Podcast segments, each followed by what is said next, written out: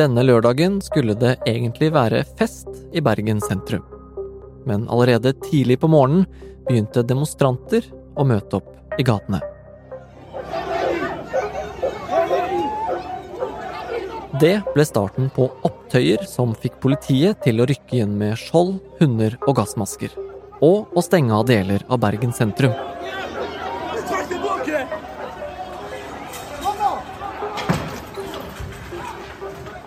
Bak opptøyene ligger en vond konflikt og en lang historie om Eritrea.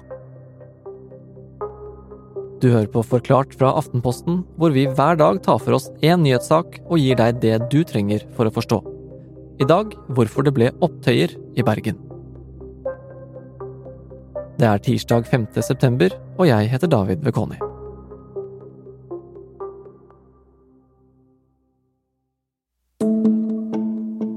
Festen som egentlig skal arrangeres i Bergen denne 1. september-lørdagen, er ikke helt ukontroversiell i utgangspunktet. For det er ikke bare en folkefest, men en politisk markering som kan provosere. Arrangøren er Eritreisk forening i Hordaland, og det som skal feires, er Eritreas uavhengighet.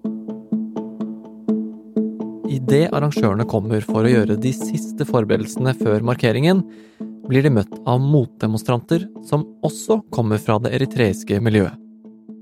Og sånn starter bråket.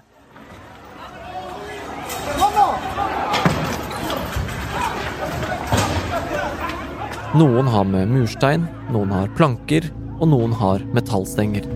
Motdemonstrantene barker sammen med arrangørene. Og etter hvert må politiet hente frem skjold, gassmasker og hunder for å få kontroll.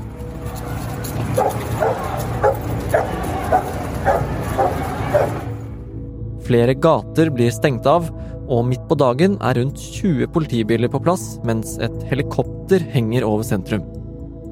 Etter hvert flytter motdemonstrantene seg nedover mot Vågsallmenningen, nærmere Bryggen, og der blir det en konfrontasjon mellom dem og politiet, der politiet lager en borg av skjold.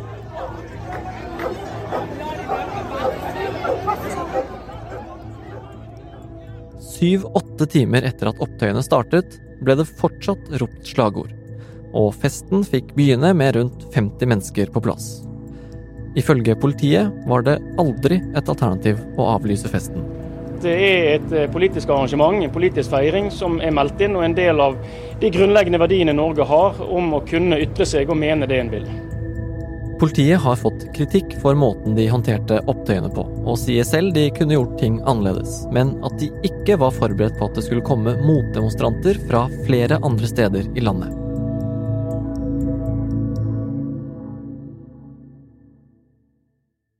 For å forstå hva som egentlig skjedde i Bergen i helgen, så må vi forstå hvem de som barket sammen var. For det er ganske mye som ligger bak. Eh, feiringen i helgen, det var eh, en markering av oppstarten på frigjøringskrigen eh, til Eritrea fra Etiopia i 1961, 1. september. Men det var også en feiring som ikke alle eritreere er enig i. Det er to grupper som står mot hverandre, og det var det som også førte til vold. For dette er ikke bare historien om en frigjøringskrig og feiring av selvstendighet. Det er også historien om et autoritært regime med kontroll langt utover Eritreas grenser.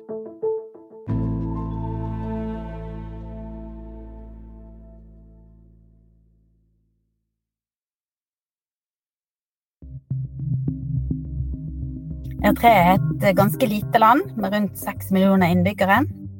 Lovise Aalen er statsviter ved Christian Michelsens institutt i Bergen, og har forsket minst to tiår på Afrikas Horn, der Eritrea ligger. Det ligger eh, i et hjørne eh, på Afrikas Horn mot Rødehavet, og grenser mot Etiopia og Sudan og Egypt. Det er et land som er ganske fattig, eh, som har vært uavhengig fra 1991. Eritrea er et land som har vært underlagt andre lenge. Frem til starten av andre verdenskrig var det en italiensk koloni, og under krigen ble de underlagt nabolandet Etiopia.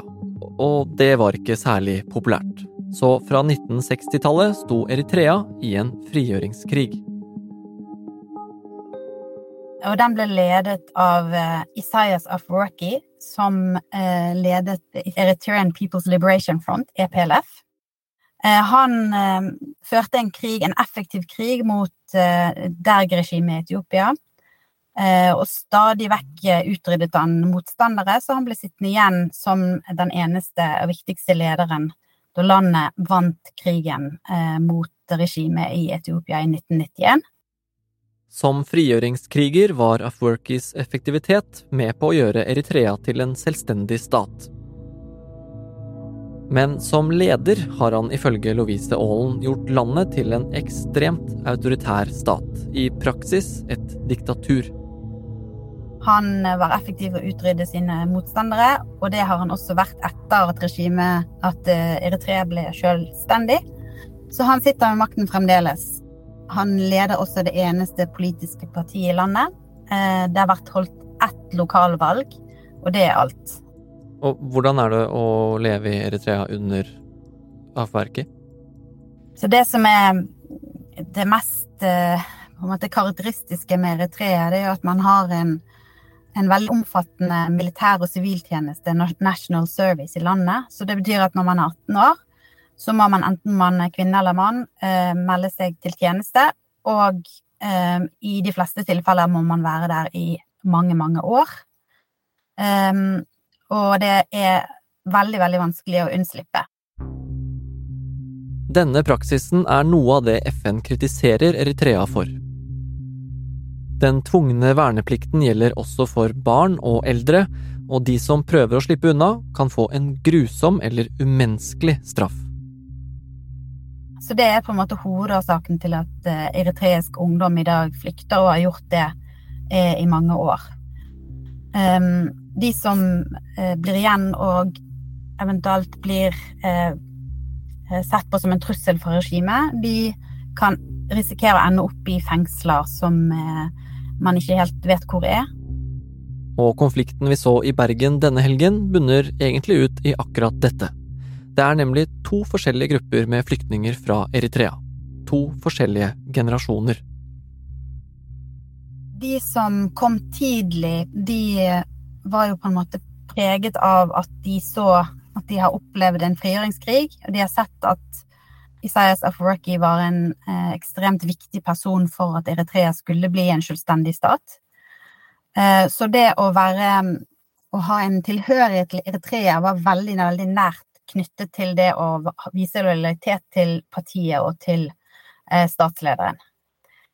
Eh, og så har man jo hatt eh, folk som har blitt født på 90-tallet, som er yngre generasjoner, eh, som kanskje ikke har, eh, har de friske minnene om krigen, om frigjøringskrigen, eh, så tett på som tidligere generasjoner, og som da har kanskje betalt en veldig høy pris for å være i militærtjeneste i så mange år, uten at de egentlig kanskje har sett formålet med det. Fordi at det allerede var en, en selvstendig stat.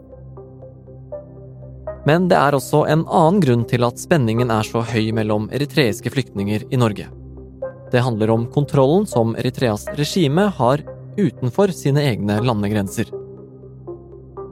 Eritreerne som bor langt hjemmefra og pleier kulturen sin der, kalles gjerne den eritreiske diasporaen.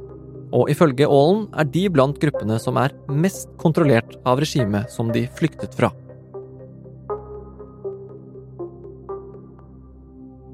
Eritrea og det eritreiske regimet er jo regnet som en av eh, de mest effektive eh, regimene som, til å kontrollere flyktningebefolkningen i Europa og USA. Det betyr at de eh, gjør bruk av regimelojale støttespillere i ulike diasporamiljøer i Europa og USA. Mange blir utsatt for både økonomisk og sosialt press om man da eh, ytrer seg mot regimet det, når man etter hvert har, eh, ser situasjonen i hjemlandet og eh, ser at eh, politisk endring som de ønsker, ikke skjer, så vil jo man gjøre mer, større motstand mot denne kontrollen som har vært effektiv i mange år. Og det er kanskje det man nå eh, ser uttrykk for med, med, den mobiliseringen som har skjedd i Bergen utenfor eh, der som man skulle feire, da. Ja, for det arrangementet som var i Bergen i helgen, det var til støtte for regimet? Arrangørene bak arrangementet sier jo at de er politisk nøytrale, um, men de opererer jo i en kontekst som er ekstremt polarisert, um, der det er vanskelig å plassere seg nøytral. Um, og man har en lang tradisjon for å ha sånne uh, feiringer, festivaler, uh, der man uh, gir sin støtte til regimet politisk, og der man også samler inn penger til regimet og har kulturelle uttrykk som um, um, helt eksplisitt støtter Isaiah Foraki. Så, så det Selv om det hevdes at dette er politisk nøytralt, så blir det jo ikke oppfattet sånn av i, i det eritreiske miljøet. Men likevel så er det nok kanskje en del folk som vil føle seg urettferdig stemplet. Uh, altså de kan være de, de, kan ønske å delta på disse feiringene uten å være veldig sterke støttespillere, eller sterke lojale til regimet. Men de ønsker kanskje ikke ta den sterke avstanden da, som disse demonstrantene utenfor gjør. Norge er ikke det eneste stedet hvor to deler av det eritreiske miljøet har havnet i blodige slagsmål. Eh, man har hatt um, forsøk på å arrangere lignende festivaler i uh, Tyskland og i Nederland. Og som vi så i august, så hadde man en lignende festival i Sverige som utartet og uh, ble voldelig. Men sånne festivaler og markeringer er jo ikke noe nytt nå. Det her er jo noe som elektriske flyktninger har gjort gjennom hele 2000-tallet. Hvorfor blir det så mye bråk nå? Det er nok en forverring av situasjonen for eritreiske flyktninger og internt eritreere som gjør at man eh, blir mer desperat eh, og mer frustrert. Um, og så er det jo selvfølgelig muligens en smitteeffekt Eh, av voldelige sammenstøt, f.eks. i Sverige. At man da ser at her må vi ta, imot, ta i bruk sterke virkemidler for å oppnå oppmerksomhet om det de mener er en veldig alvorlig situasjon. Så den typen konflikter som vi så i Bergen og helgen, det kan det bli flere av, eller eventuelt færre markeringer til støtte for regimet, da? Ja, det er en problemstilling som vi nok vil støte på fremover, ikke bare blant eritreere, men også andre eh, nasjonaliteter eller eh, folk som kommer fra andre land, eh, som har autoritære regimer. Disse regimene har vist seg eh, å være veldig interessert i å mobilisere og kontrollere sin eh, befolkning eh, rundt omkring i verden.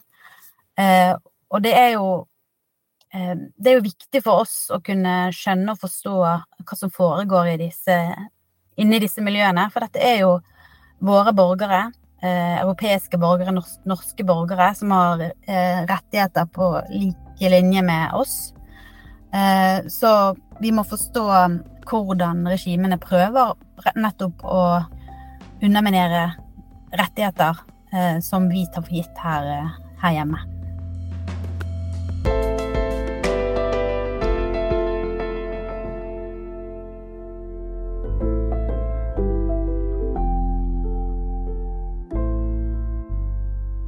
Du har hørt en podkast fra Aftenposten. Det var Lovise Aalen som forklarte uroen i Bergen i helgen. Lyden du har hørt, er fra Bergens Tidende.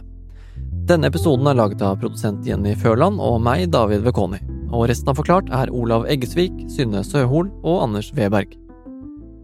Er du usikker på hva du skal stemme på i valget?